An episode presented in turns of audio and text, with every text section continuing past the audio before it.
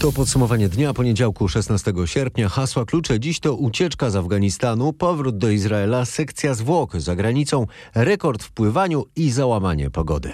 Michał Zieliński, zapraszam. Kraje Zachodu ewakuują personel dyplomatyczny ze stolicy Afganistanu. W Kabulu ma być wkrótce już 7 tysięcy amerykańskich żołnierzy. Oprócz amerykańskich e, w afgańskiej stolicy e, lądują też samoloty wojskowe brytyjskie, niemieckie, francuskie czy holenderskie. Polskie władze również e, wysłały już samolot do afgańskiej stolicy i zapowiadają wysłanie tam kolejnych. Polska, tak jak inne kraje zachodniej koalicji, która przez 20 lat utrzymywała wojska na terenie Afganistanu, obiecuje również ewakuację Afgańczyków, którzy którzy pracowali e, dla Polski na miejscu. 20 lat po inwazji e, Zachodu, w tym Polski, e, kontrolę nad Afganistanem odzyskują błyskawicznie talibowie. Jeszcze w maju w wywiadzie dla niemieckiej prasy prezydent prozachodnich władz Afganistanu zapewniał, że po wycofaniu wojsk państw NATO z jego kraju afgańska armia rządowa będzie potrafiła zagwarantować bezpieczeństwo, jak to ujął Ashraf Ghani na zawsze. Ale 300-tysięczna armia wyposażona kosztem niemal 90 miliardów dolarów przez Amerykanów i szkolona przez wojska Zachodu, również przez Polaków, oddała kraj talibom niemal bez walki. Sam prezydent Ashraf Ghani za przyzwoleniem talibów uciekł za granicę. Według rosyjskiej agencji RIA Nowosti, która powołuje się na dyplomatów rosyjskich w Kabulu, zabrał ze sobą helikopter pełen gotówki, chociaż nie cała, jakoby się zmieściła i sporo toreb pełnych pieniędzy miało zostać na ziemi. Czołowi dziś politycy e, zdecydowanie wspierali udział polskiego wojska w misji nazywanej przez lata stabilizacyjną. W 2006 roku Jarosław Kaczyński, wówczas premier, tak krytykował żądania debaty w tej sprawie. Ja sądzę, że nie warto debatować nad tym, co zostało już dawno postanowione, bo to stawia państwo w sytuacji niepowagi i nierzetelności sojuszniczej. Polska, żeby coś znaczyć, musi być rzetelnym sojusznikiem, bo wtedy są także zobowiązania z drugiej strony. Jeżeli się tego nie rozumie, no, to może lepiej się czymś innym zająć niż polityką. Trzy lata później premierem był już Donald Tusk. Podczas wizyty w bazie Gazni w Afganistanie mówił tak. Rzadko kiedy słyszy się takie opinie, aż tak mocno i jednoznacznie wyrażone i tak radujące każdego Polaka. Naprawdę mogę, mogę polskiej opinii publicznej powiedzieć, że to nie są slogany dzisiaj. Możemy być dumni z naszych żołnierzy tu w Afganistanie. Badania opinii publicznej wskazywały, że zdecydowana większość Polaków nie popierała udziału e, polskiego wojska w tej misji. W sumie zginęło w niej ponad 40 żołnierzy, a setki zostały ranne. 44 rodziny straciły swoich najbliższych, żołnierze polegli, ale ponad tysiąc żołnierzy i pracownicy, pracowników wojska odniosło rany. To jest cena, jaką płacimy, ale to także były heroiczne momenty wielkiej sojuszniczej solidarności. Tej sojuszniczej i tej międzyludzkiej, po prostu żołnierskiej. Mówił prezydent Andrzej Duda w niedzielę podczas pikniku Zostań żołnierzem Rzeczpospolitej. W Polsce na razie nie pojawiają się pytania o sens tej misji w Afganistanie, a część zachodnich polityków przyznaje już, że cała ta afgańska wyprawa okazała się być porażką. Szef niemieckiego MSW Horst Seehofer mówi wprost, że to wszystko kończy się katastrofą i że trzeba się spodziewać fali uchodźców. E, Stany Zjednoczone ta wojna kosztowała około 2 bilionów, czyli 2 tysięcy miliardów dolarów. Polskę na razie nie wiadomo, ale na pewno koszt można również liczyć w miliardach złotych. Odwrót z Afganistanu zarządził jeszcze Donald Trump. Decyzję podtrzymał Joe Biden. W czasie, gdy talibowie opanowywali Kabul, wyjechał na weekend. Teraz, gdy nagrywam podsumowanie dnia, Joe Biden szykuje się do telewizyjnego wystąpienia o Afganistanie. O przyszłości tego kraju szef amerykańskiej dyplomacji Antony Blinken rozmawiał już przez telefon dziś z ministrem spraw zagranicznych Rosji Siergiejem Ławrowem, a potem z ministrem spraw zagranicznych Chin Wangiem Yi. Warto zauważyć, że ten ostatni trzy tygodnie temu przyjął już w Pekinie delegację talibów z ich politycznym przywódcą Abdulem Ghani Baradarem e, na czele. Afgańczycy, którzy pracowali dla polskiego wojska lub dyplomacji mogą osiedlić się w Polsce. Premier Mateusz Morawiecki ogłosił, że ponad 40 osób dostanie polską wizję humanitarną. Polska wysyła po nich samoloty, jak już mówiłem. E, zapowiedział to premier Mateusz Morawiecki. Ta prowincja Afganistanu, e, którą mm, e, Polacy patrolowali, przy której najwięcej pracowali przy utrzymaniu pokoju w Afganistanie, ona została już wcześniej opanowana przez ofensywę talibów, a więc ci, którzy tam mm, z nami współpracowali, często rozpierzchli się i e, jesteśmy gotowi oczywiście ich zarówno przyjmować, poszukiwać e, i pomóc im e, tak, tak, tak szybko, jak to będzie możliwe, jak, jak odnajdą się w naszych murach naszej ambasady ewakuowane. W, no- w murach ambasady to zlikwidował pan, pan minister Radosław Sikorski. E, Natomiast w, jak, tak szybko jak znajdą się w obrębie naszej misji, naszej placówki mm, i oczywiście sprowadzimy wszystkich, którzy będą tego chcieli i współpracowali z nami tutaj do Polski. Udzielimy im wiz humanitarnych. Jeszcze w weekend był ambasador Rzeczypospolitej w Afganistanie Piotr Łukasiewicz. y, y, Mówił, że pracujący dla Zachodu Afgańczycy mogą być teraz po objęciu władzy przez talibów zagrożeni. mamy prawo podejrzewać, że ludzie, którzy, którzy pomagali Polsce, którzy pracowali i byli nawet z tego znani, bo, bo przecież to, yy, to nie była tajemnica, że wielu z nich pracuje, współpracuje z, z, z, z obcokrajowcami po prostu, nawet nie konkretnie Polakami, yy, ma prawo czuć się, czuć się zagrożona w związku z tym, co dzieje się w Afganistanie. I dlatego, jak mówi wiceminister spraw zagranicznych Marcin Przydacz, polskie władze sprowadzą ich do naszego kraju. Podjęliśmy decyzję zapobiegawczą, aby każde, każdej osobie, każde, każdemu człowiekowi, który czuje się zagrożony, a ma e, ku temu podstawę, jednocześnie e, te podstawy wiążą się z faktem em, e, współpracy w jakikolwiek sposób z instytucjami państwa polskiego, należy udzielić, udzielić pomocy. Z jednej strony staramy się działać we współpracy z naszymi sojusznikami będącymi tam na miejscu, ale także i tymi, którzy również em, no, podobne wyzwania napotykają, e, ale także i w duchu e, tutaj e, polskim, prawda, wysyłając, wysyłając polski, e, polski samolot. Mamy nadzieję, że w najbliższym czasie w sposób bezpieczny te osoby będą mogły być ewakuowane do Polski. Na tysiące ludzi próbują wydostać się z Afganistanu przez lotnisko w Kabulu. W porcie lotniczym panuje chaos. Ludzie tłoczą się na pasach startowych i je blokują, a także wdrapują się na kadłuby samolotów. Agencje prasowe podają, że są ofiary śmiertelne, e, a wśród nich kilku mężczyzn, którzy uczepili się podwozia odlatującego samolotu. Potem e, spadli na dzielnicę mieszkalną. E, W internecie pojawiło się nagranie wideo, na którym widać spadających ludzi. Nie tylko według niemieckiego ministra spraw wewnętrznych, o którym już mówiłem, Europę może czekać fala migracji. W krajach Unii Europejskiej może pojawić się nawet pół miliona nowych migrantów. Taki scenariusz w rozmowie z RMFFM prognozuje dr Małgorzata Bonikowska z Centrum Stosunków Międzynarodowych. My mówimy o y, organizacji, mówimy o Talibanie. Oni żyją tak naprawdę z y, działalności przemytniczej, handlu narkotykami, więc to jest też y, bardzo wiele zależności, zwyczajnie gospodarczych, ekonomicznych, finansowych.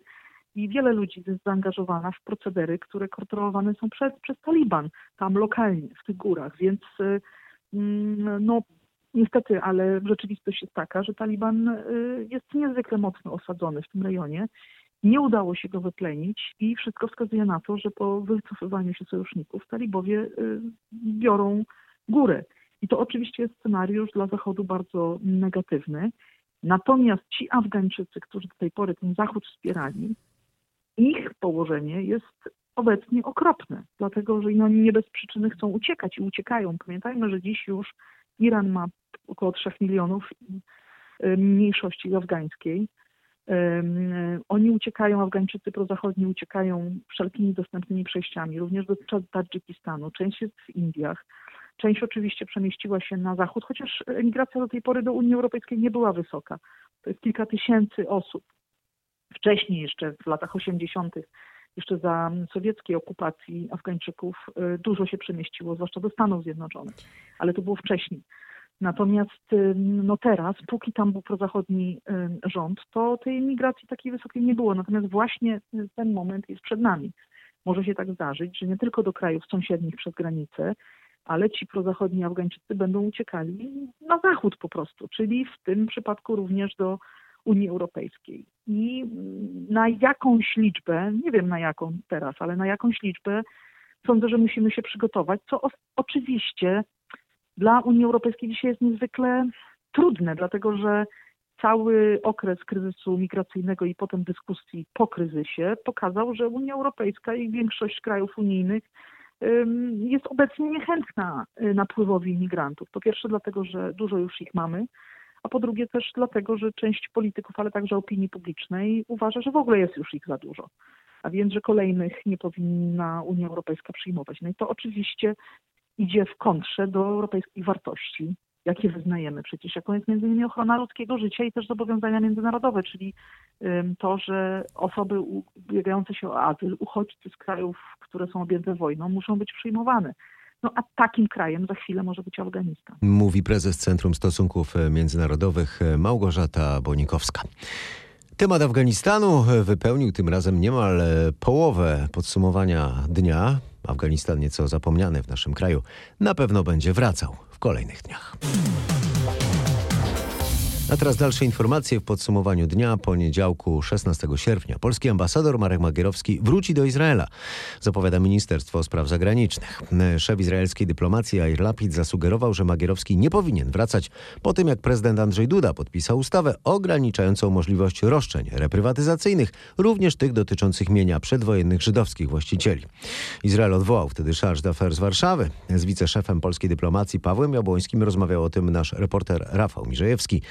Y, który powie, kiedy polski ambasador miałby wrócić do Tel Awiwu. Na razie przebywa jeszcze na urlopie w Polsce i nie wiadomo, kiedy dokładnie poleci do Izraela. Na Twitterze poinformował, że jego rodzina w najbliższym czasie ma wrócić do Polski samolotem rejsowym, co wcześniej zapowiedział już premier Morawiecki. Wiceminister Jabłoński podkreśla, że mimo sugestii ze strony szefa izraelskiej dyplomacji, Marek Magierowski ma dalej pełnić swoją dyplomatyczną misję. Nie ma też pomysłu wymiany ambasadora w Izraelu. Przypomnijmy, że dla Tel Awiwu problemem jest polskie prawo. Jair Lapid napisał, że negatywny wpływ na nasze stosunki rozpoczął się w 2018 roku, gdy Polska zdecydowała się rozpocząć uchwalanie ustaw mających na celu szkodzenie pamięci o Holokauście i narodzie żydowskim. Z kolei premier Morawiecki powiedział, że decyzja Izraela o obniżeniu rangi dyplomatycznej reprezentacji w Warszawie jest bezpodstawna i nieodpowiedzialna, a słowa Lapida budzą oburzenie każdego uczciwego człowieka. A teraz w podsumowaniu dnia dalszy ciąg sprawy śmierci 34-letniego mieszkańca Lubina, który zmarł po interwencji policji. E, przypomnę, że przeprowadzono e, sekcję zwłok, e, która nie wskazała na to, by przyczyną śmierci mogły być działania policji. Teraz jednak adwokat rodziny zmarłego, Renata Kolerska, zapowiada wniosek o ponowną sekcję zwłok i to przeprowadzoną za granicą. Z adwokat rozmawiał nasz dziennikarz Paweł Pycwik. Rodzina chce dokładnego wyjaśnienia sprawy. Usłyszałem od Renaty Kolerskiej. Pierwsza sekcja zwłok, przypomnę, nie dała odpowiedzi na pytanie o przyczynę śmierci mężczyzny. Zlecono dodatkowe badania. Pełnomocnicy zawnioskowali o ponowną sekcję. Ta miałaby odbyć się w Poznaniu. Decyzja w tej sprawie może zapaść jutro, twierdzi pełnomocniczka, która dodaje, że pod uwagę brane jest również złożenie wniosku o sekcję za granicą. Mamy obawy co do wiarygodności, powiedzmy, yy, następnych sekcji zwłok w kraju. Jutro prokuratura okręgowa Okręgowa w Łodzi ma udostępnić pełnomocnikom rodziny zgromadzone do tej pory akta sprawy, w tym opinie biegłych z pierwszej sekcji zwłok mężczyzny. Mieszkańcy Daleszyc są wstrząśnięci wczorajszą tragedią. W rodzinę idącą chodnikiem wjechał tam samochód osobowy. Zginęła matka wraz z czteroletnią córką. Więcej na ten temat Marek Wiosło. Do wypadku doszło niedaleko od posterunku policji na chodniku prawie w centrum miasta. Czteroosobowa rodzina wracała z kościoła. Przed godziną 19 jadąc w kierunku centrum miejscowości samochód osobowy wypadł z drogi i uderzył w matkę z czteroletnią córką. Ojciec w ostatniej chwili zdołał odskoczyć wraz ze swoim synem. Widok był przerażający, mówi jeden ze świadków tragedii. Ja tam byłem na miejscu, próbowałem reanimować tę tak. dziewczynkę. Ten, ten ojciec jej tak płakał i bił głową o asfalt, tak. że jak sobie przypomnę, to mi łzy lecą. A tam jak przyleciał helikopter, tak jak mówię, helikopter, kilka patroli policji, druga straż, tylko państwowa. Widzi pan, nie mogę mówić. Na miejscu wypadku stoją dzisiaj znicze oraz kwiaty. Jutro o 8 rano zacząć się ma 24-godzinny protest rolników. Maszyny rolnicze mają zablokować krajową drogę nr 15 w Sampławie koło Lubawy. Piotr Błakowski o tym, jak będzie wyglądał ten protest. Rolnicy mają blokować kilkukilometrowy odcinek krajowej 15 od Lubawy do skrzyżowania z drogą wojewódzką w Sampławie. To droga w kierunku Nowego Miasta Lubawskiego. Protestujący będą domagać się m.in. rozpoczęcia rozmów z rządem o strefach ASF, ubezpieczeniach, nadmiernych nadmiernym imporcie żywności z zagranicy czy o szkodach łowieckich. Protest ma zakończyć się w środę rano.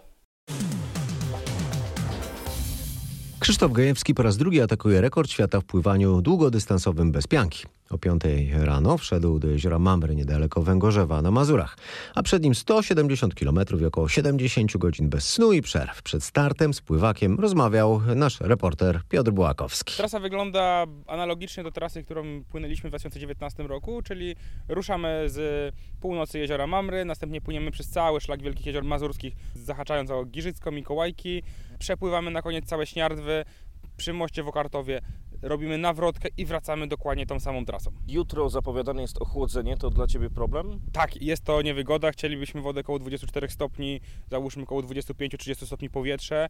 Mamy wodę 21-23, ona się jeszcze ochłodzi, ponieważ dzisiaj ma bardzo mocno padać, od jutra ma, ma być zimno w dzień, zimno w nocy. To jest element tego sportu i też e, do tego się przygotowuje, tak? E, trening to nie tylko pływanie, trening to również adaptacja do zimna i do długiego wysiłku.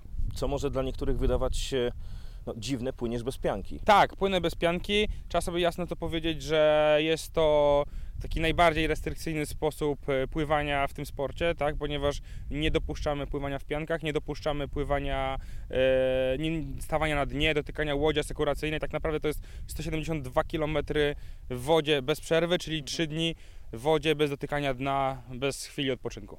Kalorii będziesz dużo tracił, jak będziesz się regenerował? W czasie płynięcia może ktoś tobie z załogi wrzucić do wody bidony żele, czyli tak naprawdę płynąc na boku, na szybko uzupełniamy płyny, podstawowe kalorie, i ruszamy dalej, tak? Deficyt będzie duży. No my szacujemy, że w czasie tego płynięcia zjem, przyjmę około 50 tysięcy kalorii. Zeszły rok pokazał, że w 48 godzin schudłem 7 kg, czyli w tym roku spodziewamy się blisko 10 kg straty masy ciała.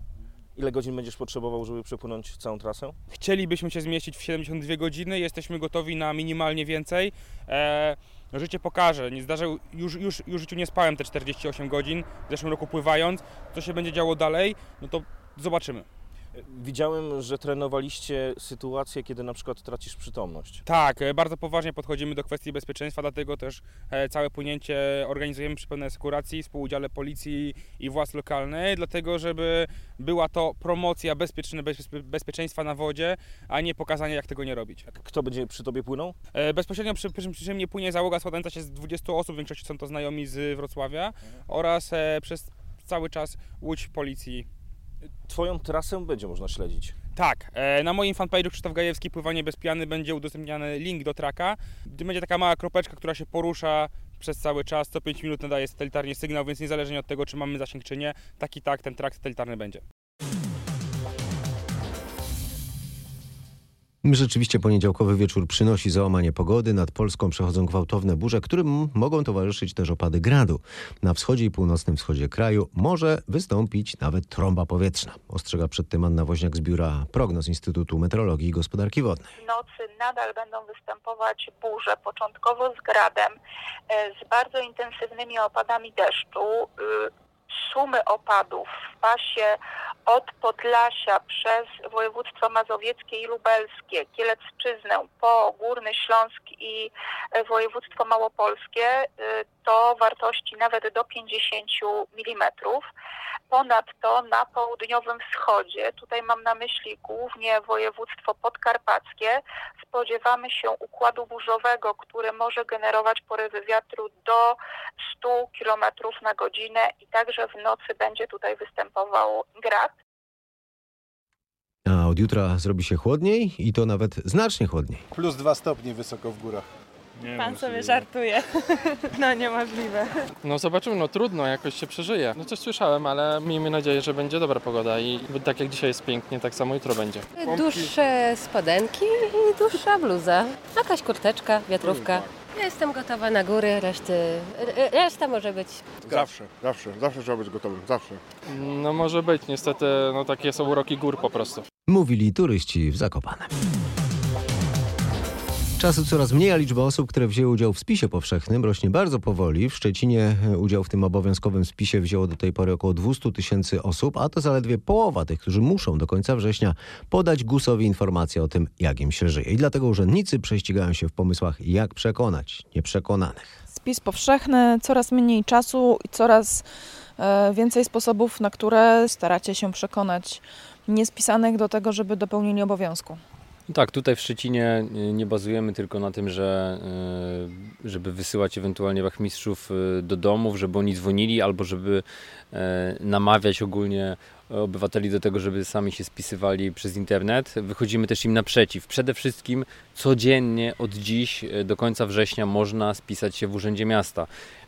Od poniedziałku do piątku w godzinach 16-20, w weekendy w soboty od 12, od 12 do 18, w niedzielę od 10 do 16. Zapraszamy do Urzędu Miasta każdego, kto chciałby e, dokonać spisu powszechnego. Wystarczy kilkanaście minut.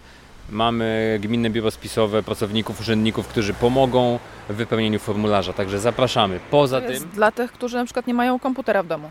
To jest dla tych, którzy na przykład nie mają komputera w domu, dla tych, którzy obawiają się, że sobie nie poradzą z formularzem. Jest urzędnik, jest osoba, która poprowadzi krok po kroku z nami tę ankietę, wypełni formularz, także na pewno wszystko e, tutaj na miejscu zostanie dopełnione, załatwione. Ale to nie jedyny sposób, w jaki namawiacie do tego, żeby kto się nie spisał, jeszcze się spisał. Oczywiście to nie jest jedyny sposób. Poza tym e, na wszelkiego rodzaju imprezach plenerowych staramy się e, zorganizować takie specjalne stanowisko spisowe, gdzie też można dokonać spisu powszechnego, czy to z pomocą rachmistrza, czy przedstawiciela Gminnego Biura Spisowego.